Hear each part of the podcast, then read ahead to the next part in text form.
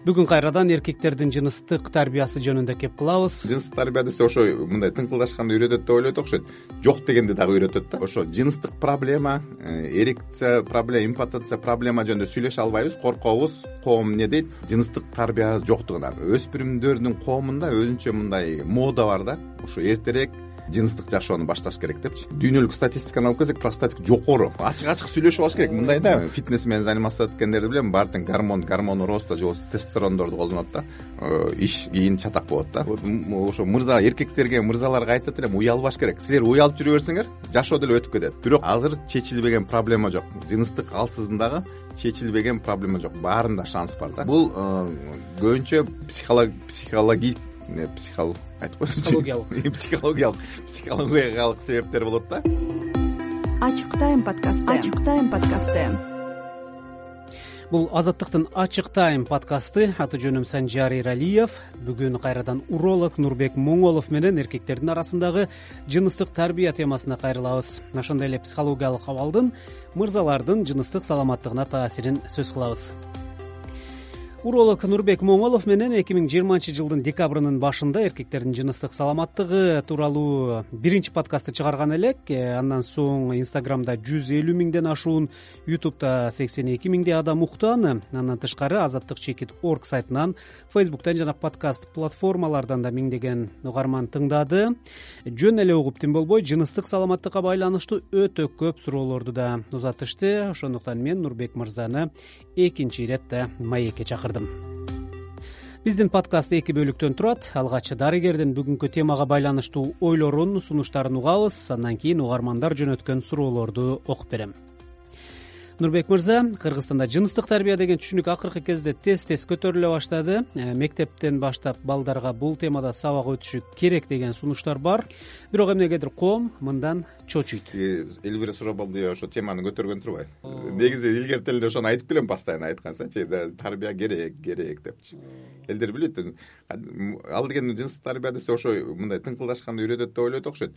Жок дегенди дагы үйрөтөт да. Эл ошону ойлоно берет экен прям жыныстык катнашты үйрөтөт деп. Жок бул деген ошого жеткенди туура жеткенди үйрөтөт да. Нурбек мырза эркектин психологиялык абалы кандай учурда жыныстык абалга терс таасир этет мисалы эркек деген э, жыныстык мүчөсү менен жыныстык мындай успехи менен гана эркек эмес да. Ал э, эркек эркек өзүн сезет социумдан айлана чөйрөдөн успех болгондо ал эмне? Ал жумушу жакшы ал акчасы жакшы.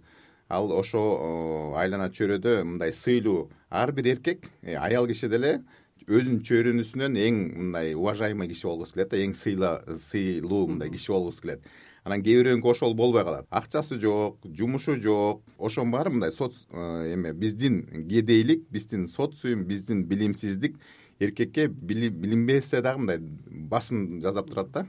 Ошондо ошо ой мээсинде ошо ой менен э, келип анан э, жанагы өзүнүн аялдары менен болобу. Ошол жактан дагы мындай жыныстык мындай алсыздык боло баштайт а жыныс бул порочный круг деп коет орусча жыныстык алсыздык болгон аялынан аялы менен аялынан көрө баштайт да айланасынан аялынан көрө баштайт же болбосо балдарынан көрө баштайт анан жанагындай психологический давление да кыйкырып э, турмушунун бирдемеси жакпай э, мындай терең каза келсең бул жыныстык э, алсыздыгынан анан чөйрөнүсүнө жанагындай психологический давление деп коет да мындай жана семейный насилие деп коебу үй бүлөлүк зордуктоо ошонун баары балдарына айланасына ата энесине даже жамандык кылып турган жаман сөз айтып турган агрессивный мындай мамиле кылып турган ушу жыныстык алсыздыктын дагы себеби болуп эсептелет да. Эми караңыз кыргызстан экономикалык жактан алсыз өлкө жана эркектин баары эле жакшы жумушта иштешпейт. Э, ошондо кандай болуп калды? Кыргызстандык эркектердин көбү ушул көйгөйдүн кучагында деп мүнөздөп коебузбу? Жок бул э, мындай да мындай назик мүнөздүү эркектер бар да. Мисалы ата энеси дагы э мисалы ата энеси дагы мындай басым жасайт сен эчтекеге жарабайсың сен мындайсың сен эркек эмессиң сен колуңан эчтеке келбейт деген эле сөздөр дагы эркек жыныстык э, тарбияго аябай жаман да? Бирок баары эле э, ошо жыныстык жагынан эме жаман болуп калбайт да. Анын кээ бирөө эле болот. Ал кайсы кээ бирөө кээ бирөө ошо назик ошо психикалык состояниясы абалы кичине башкачараак да жумшагыраак да кабыл алуусу да. Баарыбыз эле андай сөздөрдү угабыз баарыбыз эле токмок жегенбиз айлана чөйрөдөн достордон жаман сөз укканбыз бирок баары эле андай болуп калбайт да. Бирок бир какой то бир эмелери эркектер да пайызы баары бир ошондой болуп калат да. Анан кээ бирөө тескерисинче комплекс болуп калат да. Комплекс алдыга жылдырат. Өзүнө бирдеме э, доказывать этиш үчүн алар деген акчаны көп тапышып алга жылат. Бирок көбүнчөсү андан дагы көбүнчөсү ошо проблема общества болуп калат да. Жанагындай агрессивный преступник жана башка ууруу деле ушу ушу ушул эмеден келиши мүмкүн да. Биз э, азыр себептерин айтып атабыз. Маселени чечүүнүн жолу кандай? Бул билим. Эми бүт э, кыргыз эли негизи эле могу экономикалык проблемадан чыгыш үчүн билим да туурабы? Образование мындай билим берүү система и жыныстык тарбиөө дагы бизге керек да. Ушул жактан дагы уялбай коркпой биз билим беришибиз керек да.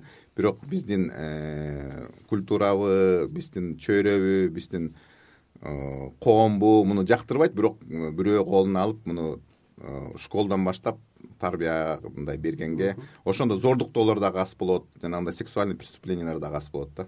Кылмыш э, кылмыш демекчи сексуалдык зомбулук көрсөтүү зордукчулдук деген мүнөз эркек балдардын өспүрүм кезинде эле калыптанат деген туурабы өспүрүмдөрдүн коомунда өзүнчө мындай мода бар да. Ушу эртерээк жыныстык жашоону башташ керек депчи. Анан ошо группалар бири бирине үйрөтө баштайт да. Давай э, сен эмне дагы эле бала бойдон жүрөсүңбү Э, кыздар менен жатып көрө элесиңби деп анан ошону бири бирин түртүп анан жаман жолго бура баштайт да. Ал жаман жолго бурганда деген ал дагы баары эле мындай кыздарды э, оңой мындай орусча айтканда завоевать эте албайт да. Анан ошондон баштап зордук дагы башталат өзүнө э, зордуктап түрмөгө түшкөнгө ошондой бир проблемалар да группа риска болуп калат да ошондочу. Мындай ошондо өспүрүмдөр мындай бычактын ээзи менен жүргөндөй болот да. Чоң балдар үйрөтөт да бир эки жаш улуу балдар үйрөтөт да ошо жаман жолго салган негизи эки үч жаш улуу балдар болот. Ошол эле мындай психологиялык мындай басым жаза баштайт да. Э эмне бала бойдон жүрөсүңбү сен эркек эмессиңби сен тиги кыздарга бара албайсыңбы? Э, ошондой эмелерди болот жо бир жериң кичинекейби деп кээде мындай баня саняга барып сен чын ушундай турбайсыңбы там жүнөсү элек турбайбы деген ошондой сөздөр менен эле чын мындай чөйрө чөйрө жаман да чөйрө ошо басымдык жаса баштайт. Анан э, э, мындай да бир кыз менен эми сүйлөшүп аракет кылышат анан бир орто моментте кыздар деле жөн эле муну может свиданияга келдим деп эле ойлоп атат да. Ошондо группанын арасына кирип алат. Анан э, эркектин ошо чөйрөнүн цели башка болот да. Ошондо анан жанагы зордуктоо деген проблемалар башталат. Бул зордуктоо түрмөгө түшчү проблема. Анан башкача жолу бар оңой да эми акчасы барлар ошого бара баштайт. Анан э, дагы билими жок. Презерватив жок. Ал венерический оорулар менен ооруп атабы э, же болбосо алар э, мындай волноваться этип кетип э, болбой калышы мүмкүн. Анда өмүр бою жанагы жыныстык алсыздыкка алып келиши мүмкүн да ошо. Анткени буларды чөйрө үйрөтүп атат да. Улуу балдар айланасы. А эгерде ошо билим берүү чын эле система бар болсо туура жолго түшүрүп турган менин оюмча мындай көп проблемаларды чечсе болот. Сиз менен э, эки ай мурун биринчи интервьюну чыгарганыбызда көпчүлүктөн аябай актуалдуу теманы козгоп атасыңар аябай зарыл тема деп жазышты эмнеси менен актуалдуу эмнеси зарыл деги деп сурасаң анык жооп беришпейт. Же болбосо анан эмди профиль менен өзүндөгү проблемасын айтат. Өзүнүн көйгөйүн айтуудан намыстанууну деле психологиялык абалга байланыштырсак э, болобу?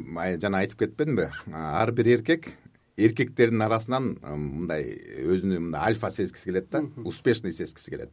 Бирок аны өзү гана эле билет. Может э, айланада ошо аялыбы кызы бул деген э, жыныстык жашоо деген бул эме интимный да. Бир эле киши билет өзү эле киши билет. Анын өзүнүн комплекси бар да. Ал комплекс эгерде жыныстык жактан киши жаман болсо да успех мындай э, проблемалар болсо ал мындай жумушуна дагы таасир эте баштайт да киши жакшы иштей албай калат. Киши айлана чөйрө менен сүйлөшпөй калат катнаша мындай жалгыз кала баштайт да. Бул мындай э, билинбегени менен мындай общественный коомдук проблемалар бар эмнегедир эркектердин саламаттыгы дегенде эле көпчүлүк простатиттен башканы ойлобойт экен бул дагы мындай билимсиздик да биз э, биздин э, жыныстык тарбия жоктугунан. Ошо жыныстык проблема э, эрекция проблема импотенция проблема жөнүндө сүйлөшө албайбыз коркобуз коом эмне дейт. Ошон үчүн простатитке баарыбыз биз врачтар дагы простатитке буруп салганбыз. Анан ошо эркек пациенттер дагы ошо проблемасы барлар дагы простатит деген сөзгө баарыбыз ошол жерге такалып калганбыз да. Бирок эгерде мындай дүйнөлүк статистиканы алып келсек простатит жокору жүз кишиден простатит деп келсем балким ошонун бешөө чын эле простатит калган токсон беши бул жыныстык проблема. Ошо чын эле простатит ошо грипп ангина тиш оору ошолордон болушу мүмкүн да. Бирок э, мындай э, орустарда классификацияда бар застойный простатит деп коет. Көп отурган көп мустак отурган же болбосо жанагы э, айдоочулардын көп жумушу отурган отуруп жүргөн жумуш болсо ошо простат болгонго эмеси бар да жакын да мындайча айтканда кыргызстанда республикалык деңгээлде эркектердин саламаттык жумалыгы же айлыгы деген өнөктүктөр уюштурулуп турабы? Балалуу боло албай жүргөн мырзалар көбөйгөнү тууралуу да угуп жүрөбүз. Коомдук адистердин кеп кеңешине муктаждык бар. Жок ооба бизде деген э, ассоциация урологов кыргызская республика кыргыз республиканын ассоциациясы урологдорунун жылына бир жолу жумалык өткөзүп турат. Бирок эми ал э, э, мындай да тамчы эле да көлдө тамчы элечи көп болсо канча киши көп болсо миң киши бир жумада көрсө болот э. А кыргызстан деген алты миллиондук киши да анан аяка эмне бишкектегилер каякта болуп атса ошол жактагылар эле келе алат. Анан баары бир аякта мындай баары маалымат ала албайт анан деген мондай экен да. Аяка мындай кичине аябай көп келип алышат анан врачтар баттан баттан сүйлөшүп очередь болуп анан кишилер ачыла албайт да. Ушундай проблемныйлар алар жашынып жүрөт. Мындай районный местный уровеньде дагы бир специалисттер болуп турса ошону үйрөтүп турганчы. Негизи муну школдон баштап эле школдордун мындай ошо э, группа риска деп атпайсызбы өспүрүм кезинен баштап ушу беседалар болуп турса мындай проблема болбойт болчу да.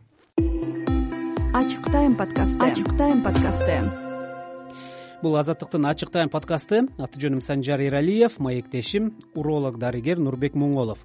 Дарыгер менен жыныстык тарбиянын эркек балдарга таасири жана жыныстык саламаттык темасында сүйлөшүп отурабыз. Бул биздин нурбек мырза менен уюштурган экинчи подкастыбыз эми маектин экинчи бөлүгүнө өтөбүз. Мында угармандар жөнөткөн суроолорду окуп берем. Э, нурбек мырза э, азыр сиз менен студияда сүйлөшүп отурабыз бирок мен смартфонду өчүрбөй улам улам карап жатам. Себеби whatsappка жана телеграмга угармандардан суроолор улам келүүдө.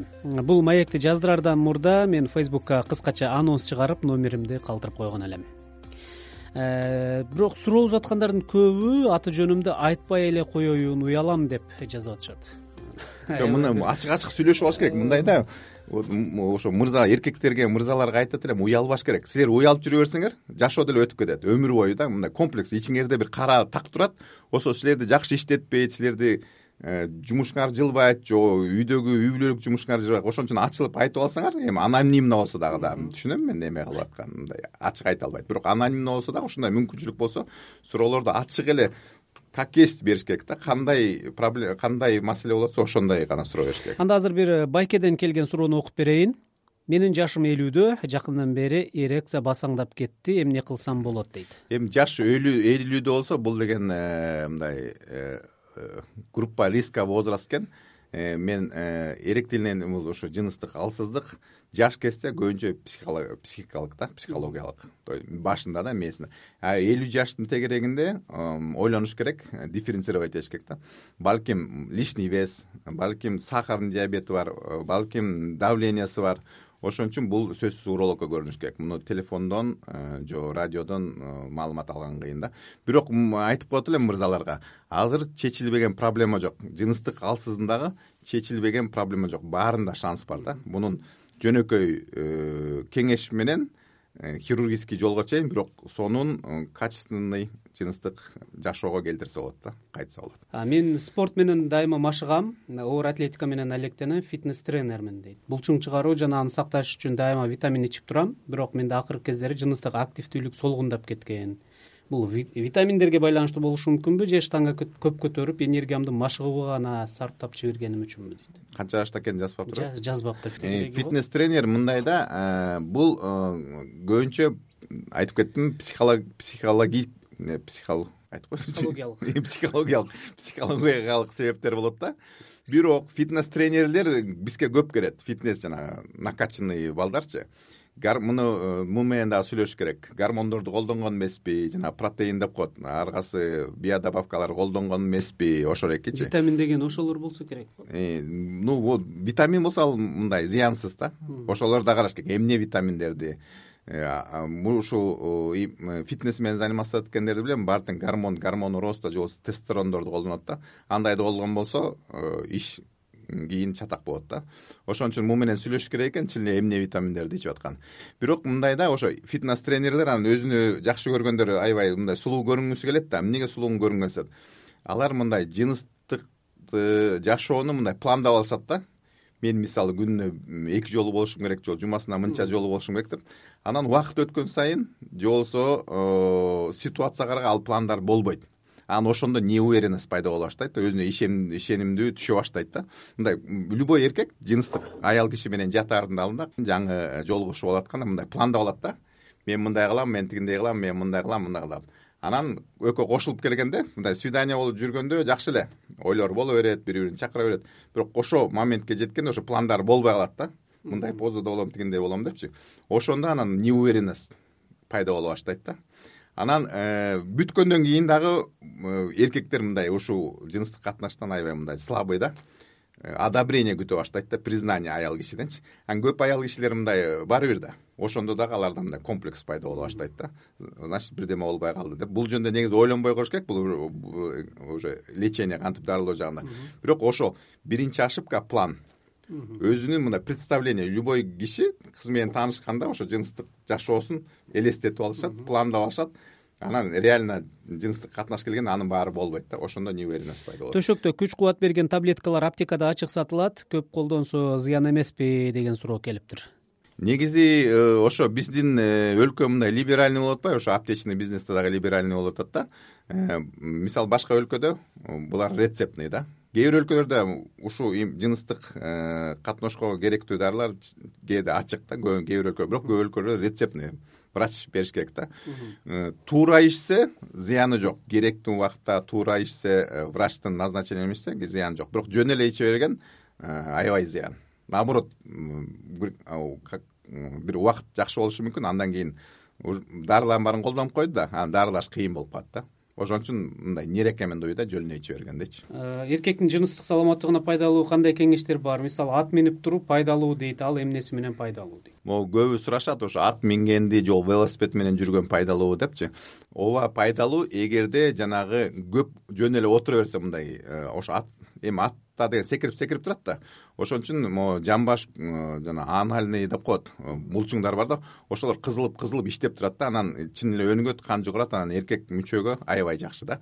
Велосипедке дагы жакшы бирок жөн эле отура бербестен жөн эле отуруп тээп жүрүп мындай көтөрүлүп мындай повороттордо кичине көтөрүлүп туруп ошентип тээп турса анан узун узун жолго дагы мындай жөн эле отура бербеш керек да көтөрүп. Көпкө отурган зыян да. Эгерде өйдө көтөрүлүп кайра түшүп атса анда отуруп атса анда жакшы рациондо кайсыл тамактар болушу шарт эми бул секрет жок. Э, эттүү болуш керек бирок май эт эмес анан баары тең эле эт эмес э, эми мындай рационду деген жазып берсе деле анын баарын албайт да.